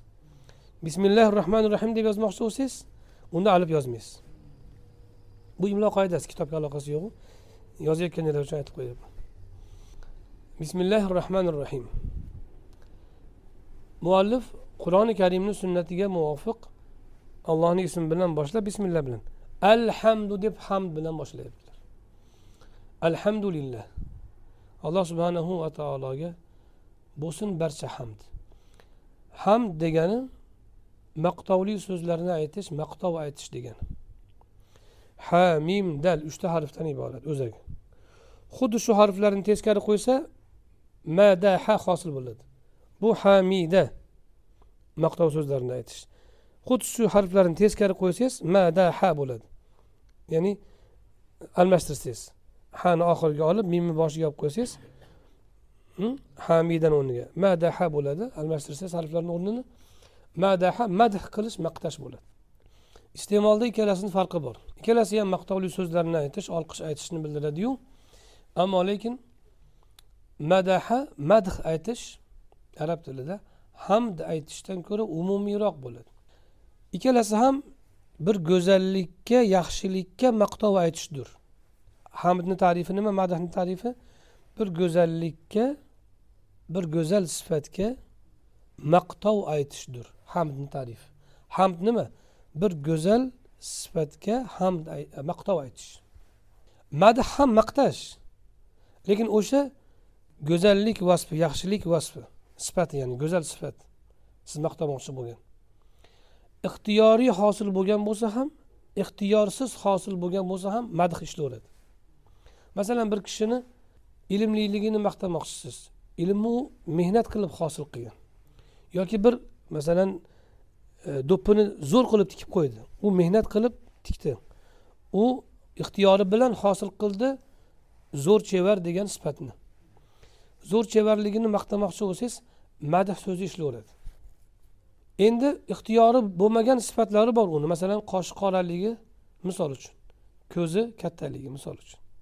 Juda ko'zi shahlo ko'z demoqchisiz. Ixtiyori bilan hosil bo'lganmi ko'z? Yo'q ixtiyorisiz hosil bo'lgan. Madh so'zi bunga ham ishlayveradi ixtiyorisiz hosil bo'lgan sifatlarga ham madh so'zi ishlaydi. Madaha aynahu desa ham bo'ladi madaha hirfatahu kasbini maqtadi desa ham bo'ladi ko'zini maqtadi desa ham bo'laveradi. Ammo hamd so'zi ixtiyorsiz hosil bo'lgan sifatlarga ishlatilmaydi. Masalan hamida aynahu deb bo'lmaydi. Ko'ziga hamd aytdi deb bo'lmaydi. Ixtiyorsiz hosil bo'lgan go'zallik sifatlariga yoki yaxshilik sifatlariga hamd so'zi ishlatilmaydi. Hamd so'zi ixtiyoriy hosil bo'lgan sifatlarga ishlatiladi. Shuning uchun alloh subhanahu va taologa hamd ishlatiladi doim. Chunki alloh subhanahu va taoloning sifatlari o'zinikidir zotiydir tashqaridan birov uni ixtiyorisiz unga o'zlashtirgan emas shuning uchun hamd so'zi ishlatiladi alloh subhanahu taolo maqtov degani yaxshi sifatlari uchun maqtov. Nima maqtov desa ollohning sifatlari uchun maqtov. Siz bilan bizni aqlimizdagi maqtov emas. Ya'ni bizni me'yorimizdagi maqtov emas. Ya'ni bizni me'yorimizda ba'zi narsalar maqtovli bo'lishi mumkin. Barcha maqtovlar degan paytimizda bizni nazdimizdagi hamma maqtovlar emas. Allohga loyiq maqtovlarni hammasi. Tushunarlimi? Shuning uchun alhamdudagi alif lam lam istig'roqiya yoki lam jins deyiladi. Ya'ni jins lomi yoki istig'roq lomi. Istig'roq lomi degani maqtovlarni hammasini o'z ichiga olishini bildiradi. Jins lomi maqtov zoti borki o'z ichiga olishini bildiradi. Shunda alhamduni agar istig'roq lomi deydigan bo'lsak nima degani bo'ladi? Barcha maqtovlar degan bo'ladi. Jins lomi desak maqtov zoti borki unga bo'lsin degan bo'ladi. Tushunarlimi? Endi barcha maqtovlar deganda bizni tilimizdagi hamma maqtovlarmi? Yo'q. Alloh subhanahu va taoloning sifatlariga loyiq ilohlikka loyiq hamma maqtovlar. Shuni muqobilida biz alloh subhanalloh deymiz. Alloh barcha nuqsondan pok deymiz. Barcha ayblardan pok deymiz. Biz uchun ayb bo'lgan biz uchun maqtov bo'lgan narsalarni nazarda tutmaymiz biz. Balki ilohlikka loyiq bo'lgan maqtovlarni sifatlariga loyiq bo'lgan maqtovlarni. Ilohlikka loyiq bo'lmagan sifatlardan pok deymiz. Maqtovlariga loyiq bo'lmagan sifatlardan pok deymiz. Tushunarlimi? Subhanalloh deganda alloh subhanahu va taolo ilohlikka loyiq bo'lmagan hamma sifatdan pok. O'zining sifatlariga zid bo'lgan hamma vasfdan pok. Ba'zi sifatlar bo'ladi sizga kamol bo'lib ko'rinadi. Kamol sifatlaridan oliyjanob sifat bo'ladi. Allohga nisbatan oliyjanob bo'lmaydi. Allohga nisbatan nuqson bo'lishi mumkin. Ilohlikka to'g'ri kelmaydi u.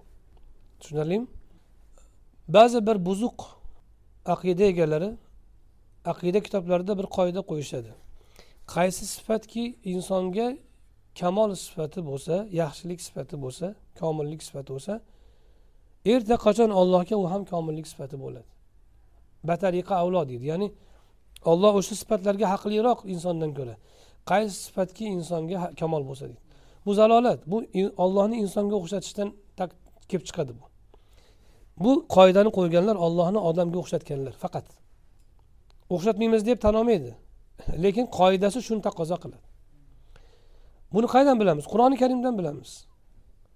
Qur'oni karimda insonga kamol bo'lgan insonga maqtov bo'lgan sifatlarni ollohga bergani uchun kishilar kofir bo'lganini aytadi farishtalarni ollohni qizlari deyishdi yoki allohga farzand isbotlashdi iso alayhissalom ollohni o'g'li deyishdi shuning uchun kofir bo'ldi وقالت اليهود وقالت النصارى المسيح ابن الله وقالت اليهود عزير ابن الله قاتلهم الله olloh ularni la'natlasin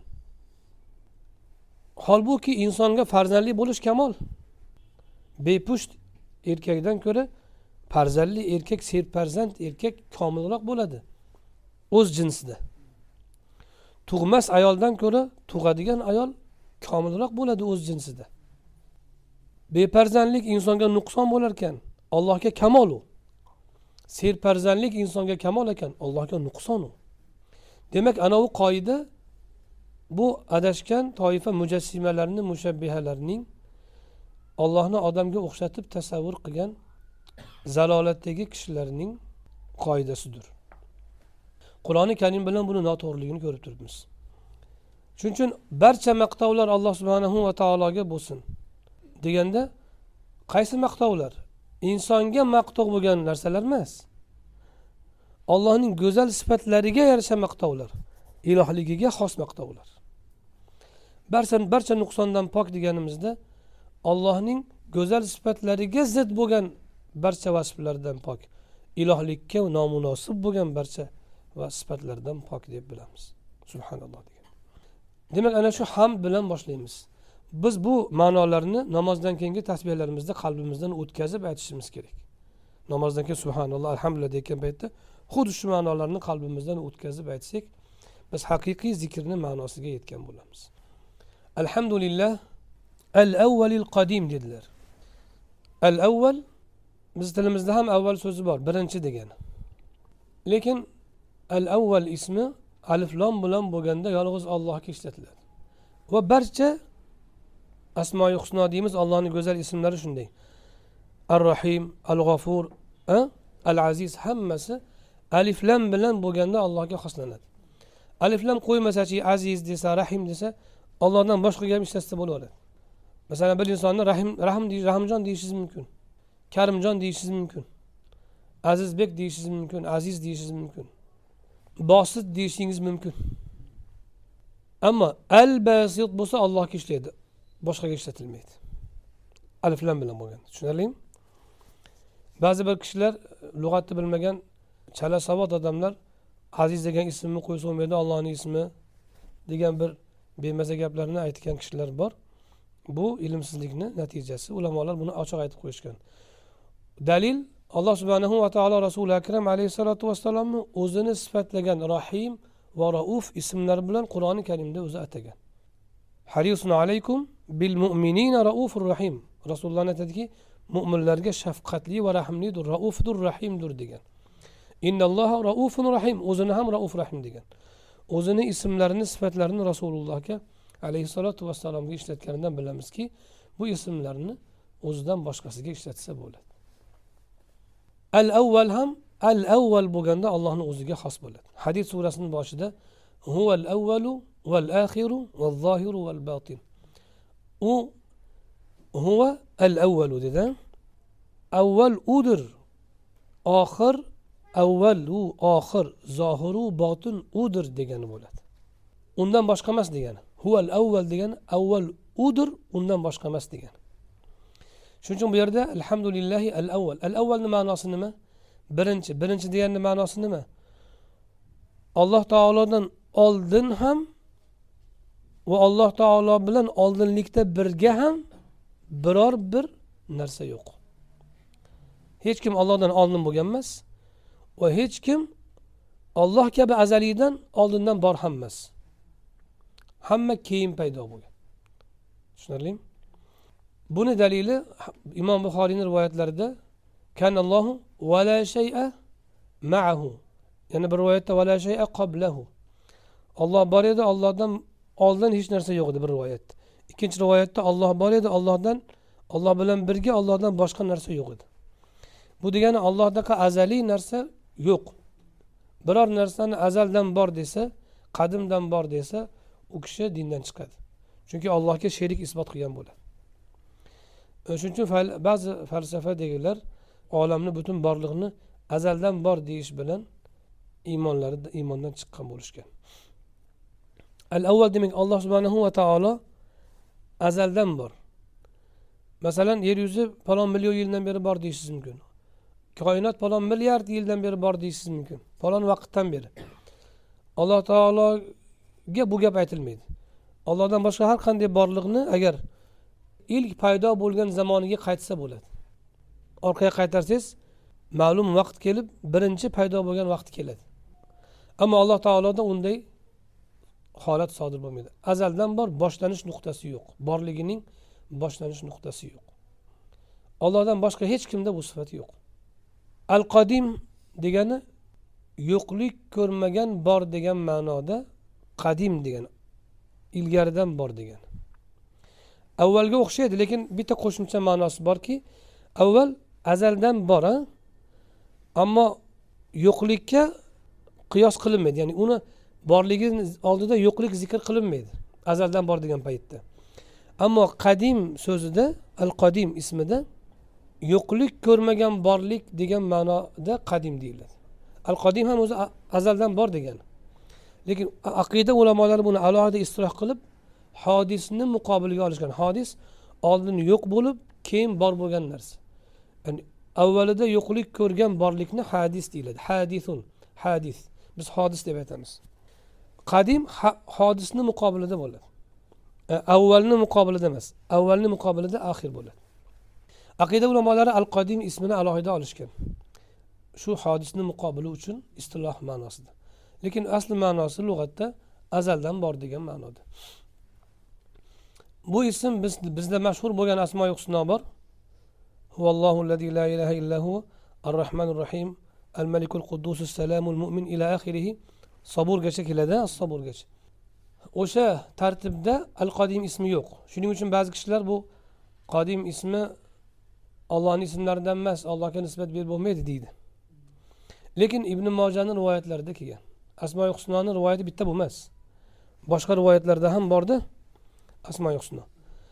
E, bir rivoyatda al qodim ismi ham kelgan. U rivoyatda bunda bor bizni bizda mashhur bo'lgan to'qson to'qqizta ismlardan ba'zilari bor ba'zilari yo'q. U ham to'qson to'qqizta. Bizdagi mashhurlarni ba'zilarini tushirib o'rniga boshqa ba'zi ismlar qo'yilgan unda. Chunki to'qson to'qqizta ism faqat to'qson to'qqizta masalan allohni ismi o'zi ko'p. Beadad asli umuman chegarasi yo'q. Faqat bitta hadisda zikr qilingani to'qson to'qqizta xolos. U ham rasululloh o'zlari aytgan emaslar robiylar terishgan. Robiylardan bittasi tergan. Demak al qodim ismini ishlatsa bo'ladi. Va alloh subhanahu va taoloning asmoi husnolarida kelmagan sifatlarni alloh subhanahu va taologa boshqa sifatlardan kelib chiqib ism sifatida xitob qilib aytsa ham bo'ladi. Masalan mehribon so'zi kelmagan rahman kelgan. Tarjima qilsangiz mehribon bo'ladi lekin mehribon degan nom qo'yilmaganda odatda nom nom sifatida qaraladiyu bu. Ammo o'sha mehribonligidan rahmliligidan kelib chiqib ey mehribon robbim desa bo'laveradi. Rob degan ism qo'yilgan lekin qur'onda yo hadisda parvardigor degan so'z kelgan emas. Parvardigor desa bo'laveradi. Robni ma'nosini tarbiya qiluvchi degan ma'noni beradi. Al qodim ismi agar asmoi husnoni orasida kelmasa ham berish joiz bo'lardi ammo ba'zi rivoyatlarda kelgan ham. Demak al avval al qodim alloh subhanahu va taoloning ikki ismi azaliyligiga dalolat qiluvchi ismlar. Al vahid yagonadir al jalil ulug'vor. Ya'ni yagona ulug'vor avval va qadim bo'lgan allohga hamd bo'lsin. Vahid degani yagona degani sharhi la sharika lahu sherigi yo'q. Ilahukum ilahu vahid. Sizlarni ilohingiz bitta iloh deganda shu vahidni ishlatgan olloh qul huvallohu ahad deganda ahadni ishlatgan. Ikkalasi ham yagonaligiga dalolat qiladi.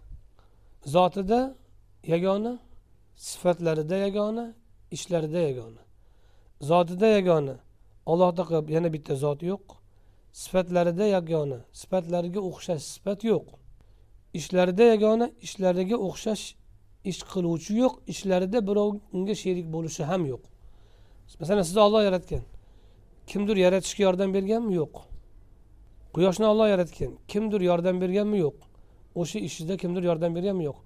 Olamni olloh boshqaradi. Kimdir boshqarishda allohga daxl qiladimi? Yo'q.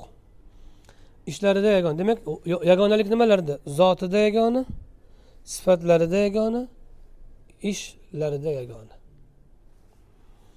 Birortasida sherigi yo'q birortasida o'xshashi yo'q. E, o'xshashlik ham sheriklikni taqozo qiladi. Shuning uchun o'xshash yo'q deyiladi. Biz yagonalikni bilamiz o'zimizni tilimizda. Masalan falonchi bu sohada yagona. Masalan moshina tuzatishda yagona. Falonchi masalan matematika sohasida yagona.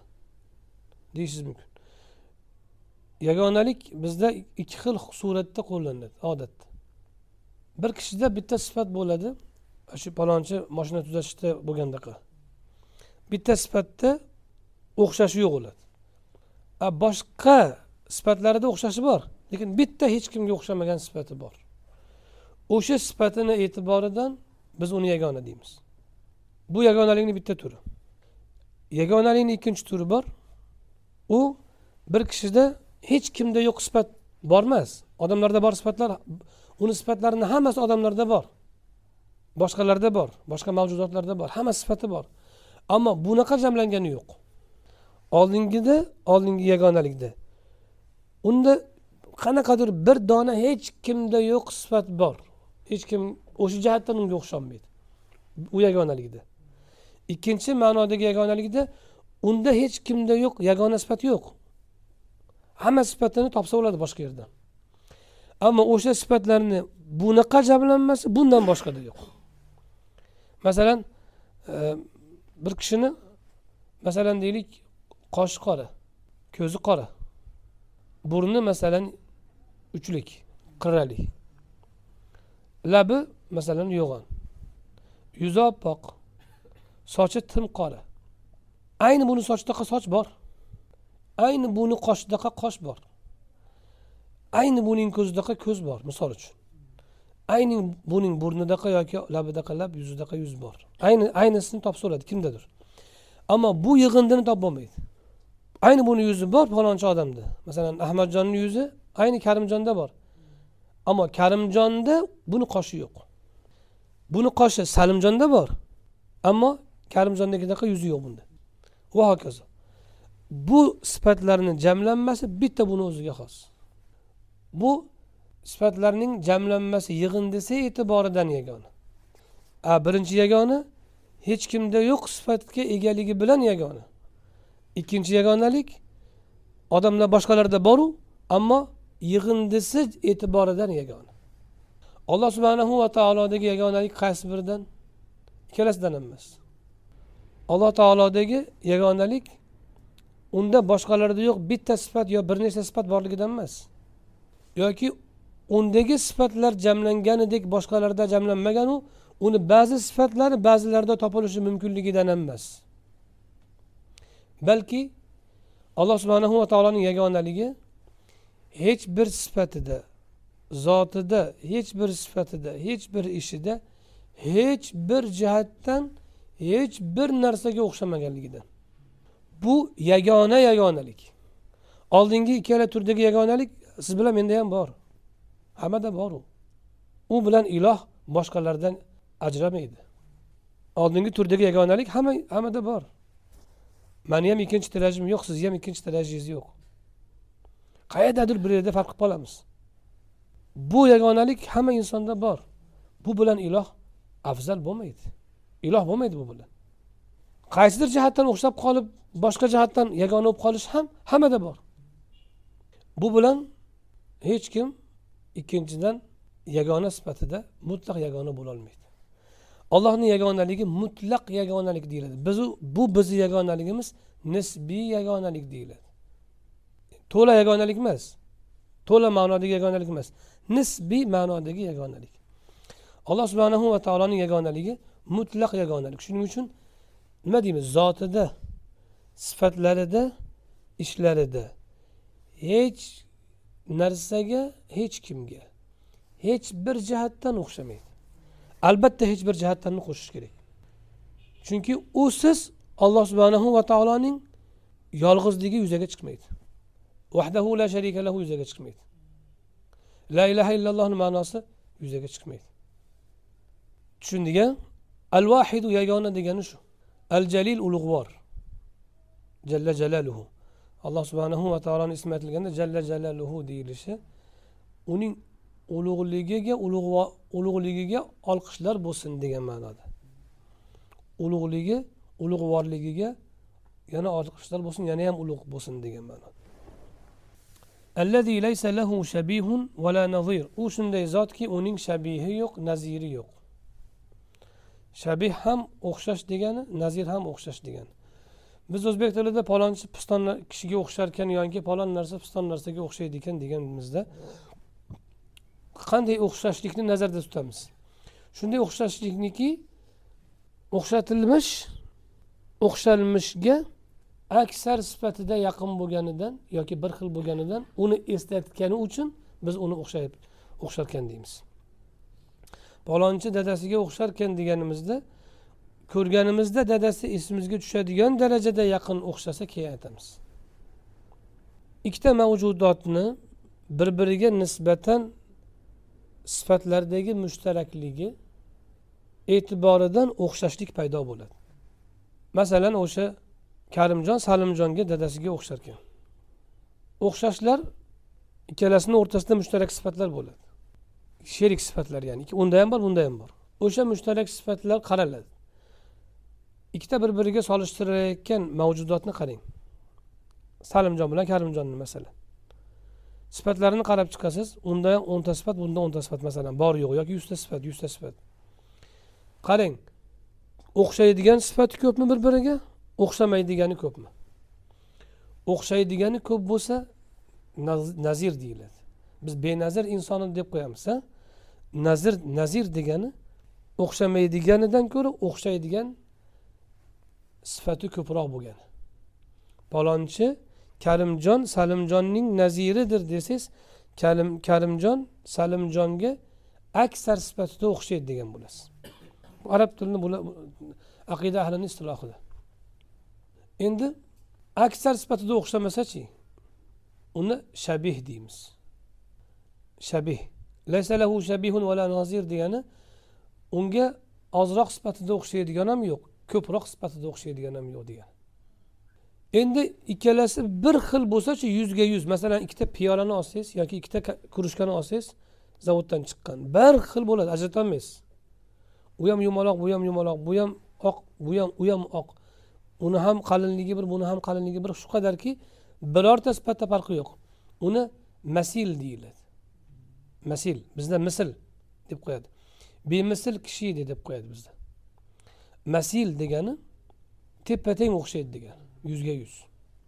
Endi bu kishi shabih va nazirni keltirdi masilni keltirmadilar chunki aksar sifatida ham o'xshamasa ozroq sifatida ham o'xshamasa bir xil bo'lishi mumkin emas o'zi asli. O'shaning uchun masilni keltirmagan masilunni keltirmaganlar masil deb.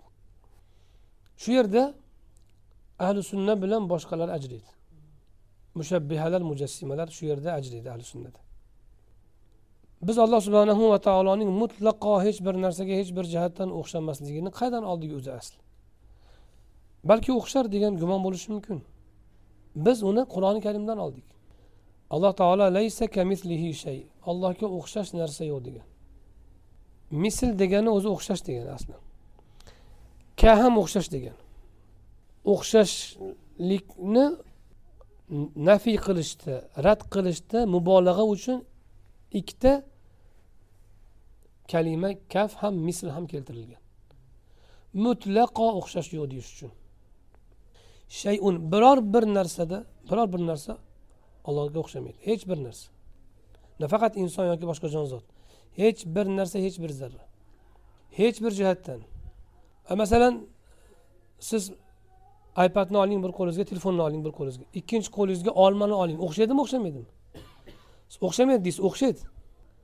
Shabihlik ma'nosida o'xshaydi. U yumaloq bu to'rtburchak u temir bu meva va hokazo lekin rangi borligi jihatidan o'xshaydi. Rang olishi jihatidan o'xshaydi. U ham bu ham moddiy jismligi jihatidan o'xshaydi. Tushunarlimi? Qaysidir jihatdan o'xshab qolsa u shabih bo'ladi. Endi qaysidir jihatdan o'xshamasanglar afzal bo'lib qolsanglar iloh bo'lavermaydi. U u fazilat hammada bor. Masalan sizni boshingiz mushukni boshiga o'xshamaydi deb o'ylaysiz. O'xshaydi. Siz ham mushukka o'xshaysiz. Uni ham ko'zi ikkita sizniki ham ikkita. Qulog'i ikkita sizniki ham ikkita. Boshi yumaloq sizniki ham yumaloq. Bir qancha jihatdan o'xshaydi. Demak agar qaysidir jihatdan o'xshab qolsa xoliq bilan maxluqning o'rtasidagi tafovut maxluq bilan maxluqni o'rtasiga tushib o'rtasi ka bo'lib qoladi o'shanga tushib qoladi. Iloh nimasi bilan yagona va nimasi bilan ibodatga sazovor? Yagonaligi bilan nimaga faqat u sazovor? Chunki u sifatlarida yagona. Uning hamma sifatlari ilohlik sifatlarimi yoyinki unda bandalik sifatlari ham bormi? Yo'q. Uni hamma sifatlari ilohlik sifatlari. Biror bir sifatida unga kimdir nimadir jihatdan o'xshab qolsa u ham ilohlikka da'vogar bo'lib qoladi. O'sha jihatdan o'sha qadrda o'sha miqdorda. Tushunarlimi? Shuning uchun mutlaqo o'xshamaydi. Agar qaysidir jihatdan o'xshasa la ilaha illallohni ma'nosi qolmaydi. U la ilaha illalloh faqat ibodat qilinishga loyiq zot yo'q degan ma'noni o'zigina emas u. Ilohlik vasfiga ega hech kim yo'q ollohdan boshqa. Ilohlik faqat ma'budlik emas. Faqat ibodatga loyiqlik emas. To'g'ri asosiy ma'nosi shu. Lekin mutlaq ilohlik ma'nosi iroda qilinadi. Va olloh ilohlik haqqi uning sifatlaridan zotidan yagonaligidandir. Unda kimdir unga sherik qilinsa agar la ilaha illallohni ma'nosi qolmaydi u ham ibodatga boshqalar unga ibodat qilishiga da'vogar bo'lib qoladi. Shuning uchun hech bir jihatdan o'xshamaydi deyiladi. Mushabbiha mujassima nima deydi? Qanchadir o'xshasa bo'laveradi deydi. Bir xil bo'lmasa bo'ldi deydi. Shuning uchun insonga nisbat berilgan a'zolarni qo'lmi qo'lmi ko'zmi agar allohga nisbat berilsa a'zo deb nisbat beradi. Haqiqiy qo'l haqiqiy ko'z deb aytadi. U degani a'zo degani bu degani olloh insonga o'xshaydi degan yoki maxluqqa o'xshaydi degani o'xshatmaymiz degan bilan yolg'onchi bo'ladi. Yo u gap yolg'on yo bu gap yolg'on bo'ladi. Bir biriga zid gap aytayotgan bo'ladi u.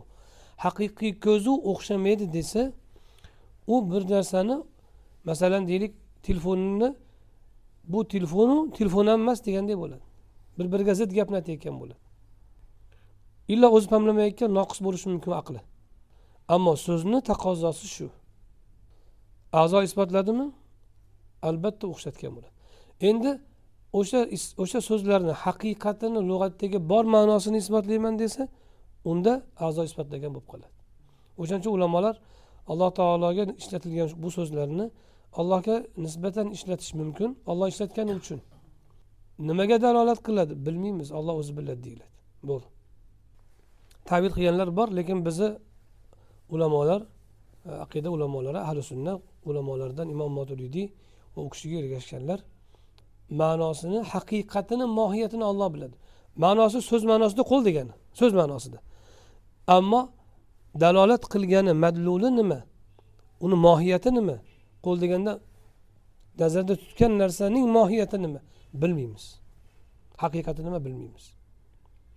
Chunki ollohni o'zining haqiqatini bilmaymiz biz. Faqat sifatlarini bilamiz ishlarini bilamiz xolos. Binobarin uning zotu sifatini haqiqatini ham bilolmaymiz. Bilmaganimizdan keyin biror narsaga o'xshamasligini o'zidan olamiz. Ahad. Allohga hech kim tengmas allohga o'xshash narsa umuman yo'q. Qul huvallohu ahad u yagonadir oyatlaridan. Biz yuqoridagi qoidalarni olib aytamiz. Va ayni qur'oni karim shu salafi solihning aqidasi shu. Kitobi sunnatning aqidasi shu. Ahli sunnaning aqidasi shu. Bundan chiqqanlar mushabbihalar mujassimalar yoki muattilalar yoki boshqalar bo'ladi. Demak alloh subhanahu va taologa hamd aytaman shunday zotki hech bir narsaga o'xshamaydi hech bir narsa u zotga o'xshamaydi. Ahmaduhu hamdan shunday hamd aytamanki yuvafi ni'ama hmm? va yablug'u mada na'mai shunday hamd aytamanki yuqoridagi aytganimiz hamd ma'nosi. Eslaymiz o'shani. Shunday maqtov aytamanki shunday olqish aytamanki shunday maqtov aytamanki yuvafi ne'matlarini qamraydigan. In'omlarining chegarasigacha yetadigan. Ba'zi ulamolar e'tiroz bildirgan xususan muallif abu g'udda rahmatullohi alayhi bu kitobni oxirida beradilar. Hoshiyada bu bunday hamd aytish joizmi joiz emasmi degan savolni o'rtaga qo'yadi. Birinchi savol bunday hamdan ya'ni ne'matlarini qoplaydigan inomlarining chegarasigacha yetadigan deb hamd aytish kitobi sunnatda yoki salafi solihlarda kelganmi? Sahobalarni so'zida desa yo'q deydi. Lekin kelmaganligi uni harom qilmaydi. Modom agar mazmuni to'g'ri bo'lsa harom qilmaydi chunki duo cheklangan amallardan emas cheklanmagan. Odam duo qilishni hamd aytishi maqtab aytishni ixtiyoriy. Olloh uni ochib qo'ygan. Chegaralagan emas. Falon narsani aytasan xolos degan emas. Shariatda ma'lumki duo chegaralanmagan ham chegaralanmagan. Masalan qur'oni karimda menga ismoil va ishoqni bergan allohga hamd bo'lsin degan ibrohim alayhissalomni hamdlari kelgan. Siz menga maryamni bergan allohga hamd bo'lsin desangiz bo'laveradi o'sha lafz qur'onda kelmagan oyatda kelmagan hadisda kelmagan salaflarda kelmagan. Lekin ma'nosi to'g'ri kelaveradi. Maryamni qizim maryamni menga ziyrak qilib hushyor qilib yaratib bergani uchun hamd bo'lsin desangiz bo'laveradi oyatda hadisda kelgan emas salaflarni so'zida kelgan emas zakovati uchun hamd aytgan masalan. Bo'laveradi joiz maryamni katta buvasiga o'xshatib yaratgan allohga hamd bo'lsin desangiz bo'laveradi oyat hadisda palonchini katta buvasiga o'xshagani uchun hamd aytish kelmagan. Duo hamd bu narsalar chegaralanmagan. Bu ma'lum. Shuning uchun mualliflarni million yozilgan kitoblarni salaf solihlardan hozirgacha.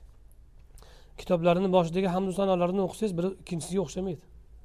Hech kim faqat hadisda kelgan hamda aytish kerak degan emas hech kim. U kelmagan bo'lsa joiz emas degan qoida bu bidat qoida. Demak kelmagan bo'lsa ham aytish mumkin. Birinchi savolga javob. Ikkinchi savol ma'nosi jihatidan aytsa bo'ladimi? Ho'p lafzi bo'lar ekan. Ma'nosi jihatdan aytsa bo'ladimi? Ya'ni ollohni hamma ne'matlarini qurshaydigan hamda aytish mumkinmi? Mumkin emas. Asli mumkin emas. Hech kim aytolmaydi hamma ne'matni qurshaydigan hamda aytolmaydi lekin ojizlik paytida nima qilinadi?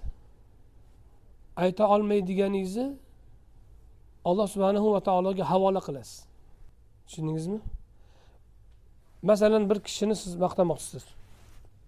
Oddiy insonni maqtashga so'z topolmayapsiz. Loyiq so'z yaxshisiz e, mehribonsiz dedingizu siz ichingizda u kishiga nisbatan aytmoqchi bo'lgan ma'nolaringizni ifodalashga sizda so'z yo'q. Yoki u odam sizga qilib qo'ygan yaxshiliklarini qoplaydigan so'z sizda yo'q. Shunda nima deysiz? O'sha odamni o'ziga aytasiz men ichimdagi minnatdorchiligimni sizga bildirolmayapman deysiz. To'g'rimi? Sizga shunaqa bir shukur rahmat aytmoqchimanki ichimdagi hozir ma'nolarni ifodalanmayapman. E sizga rahmat deb qo'yasiz bo'ldi.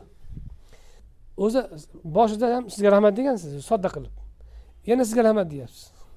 Ojizligingizni e'tirof etib. O'sha ojizligingizni e'tirof etib rahmat aytayotganingiz u kishiga hamma yaxshiligingizga yarasha rahmat bo'lsin degan bo'ladi o'sha. Tushundingizmi? Endi alloh subhanava taoloni ne'matlarini qurshaydigan qoplaydigan hamda hech kim aytolmaydi. Mumkin emas iloji yo'q uni.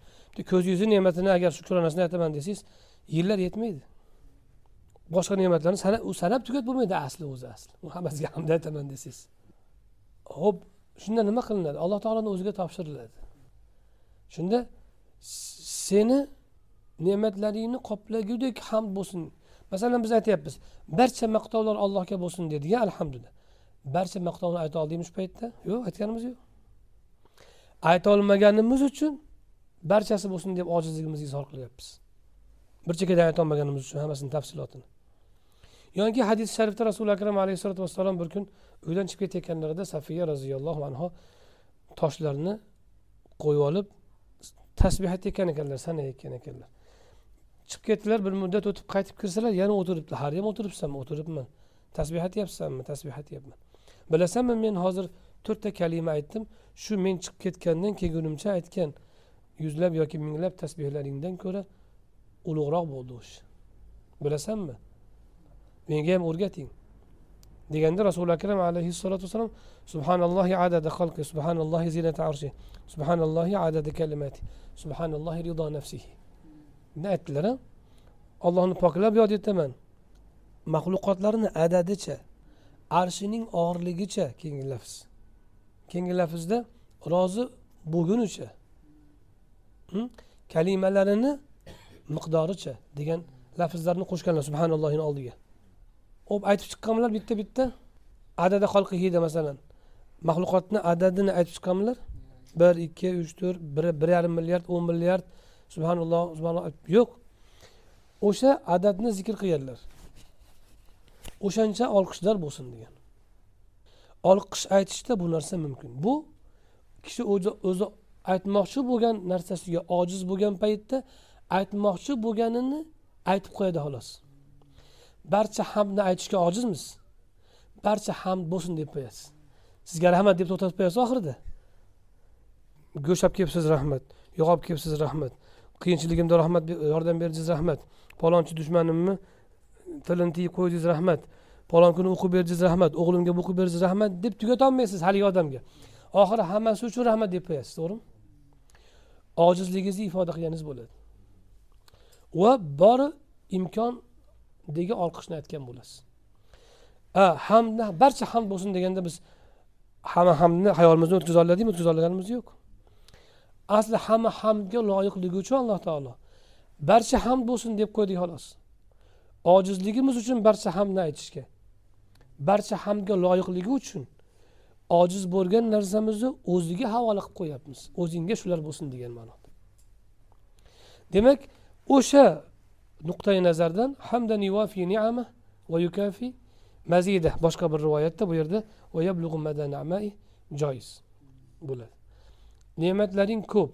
Man ularni aytib tugata olmayman hammasiga hamd. Tugatganimda qanaqa hamd bo'lar edi? O'shanaqa hamd bo'lsin. Farazan inomlaringni chegarasigacha hamd aytolmayman yetadigan. Ayta olganimda nima bo'lar edi? O'shancha maqtovlar bo'lsin senga degan ma'noni bildiradi tushunarlimi? Demak qisqacha aytganda bu kalimalarning sharhi shu. Bu safar shu bilan kifoyalanamiz inshaalloh. Keyingi safar inshaalloh shahodat kalimalariga va kitobning keyingi qismlariga o'tamiz. Odatda kitobni boshida istilohlarga ko'proq to'xtaganimiz uchun sekinroq ketadi. Keyin inshaalloh sekinroq keyin keyin tezlaymiz degan umiddamiz. Va bu berilgan berilgan shu ifodalarni alloh taolo o'zi manfaatli qilib qolishini so'raymiz. Sizlardan yozib yodlab to'la aytib bera olish talab qilinadi. Har bir tolib ilmdan. Shuning uchun bizda aytiladiki qo'lida qog'ozi bilan qalami yurmagan tolib tolibmas deyiladi. Va shuni bilingki ilm ilm birdaniga lop etib hosil bo'lmaydi. Mana hozir biz uch qatorni uch bir soat gapiryapmizmi ikki soat gapiryapmizmi? Birdaniga hosil bo'lmaydi. Ilm qatra qatra qatra qatra yig'ilib borib yillarda hosil bo'ladi. Uni boshi qatralaridan boshlab idishingizni quplab bormasangiz tushgan tushgani to'kilaversa to'planmaydi sizda ilm hosil bo'lmaydi. Birinchidan ilm to'planmaydi ikkinchidan amal imkoni bo'lmaydi chunki xotiradan qalbdan chiqib ketgan bo'ladi. Shuning uchun lozim bo'ladiki o'sha har bir olgan ilmimizni to'la yodlashimiz kerak saqlab qolishimiz kerak va bir birimizga aytib bersak bu yana ham yaxshi bo'ladi. E, savollar to'g'risida yana yaxshi keyingi darslarda javob beramiz alloh qodir qilsa.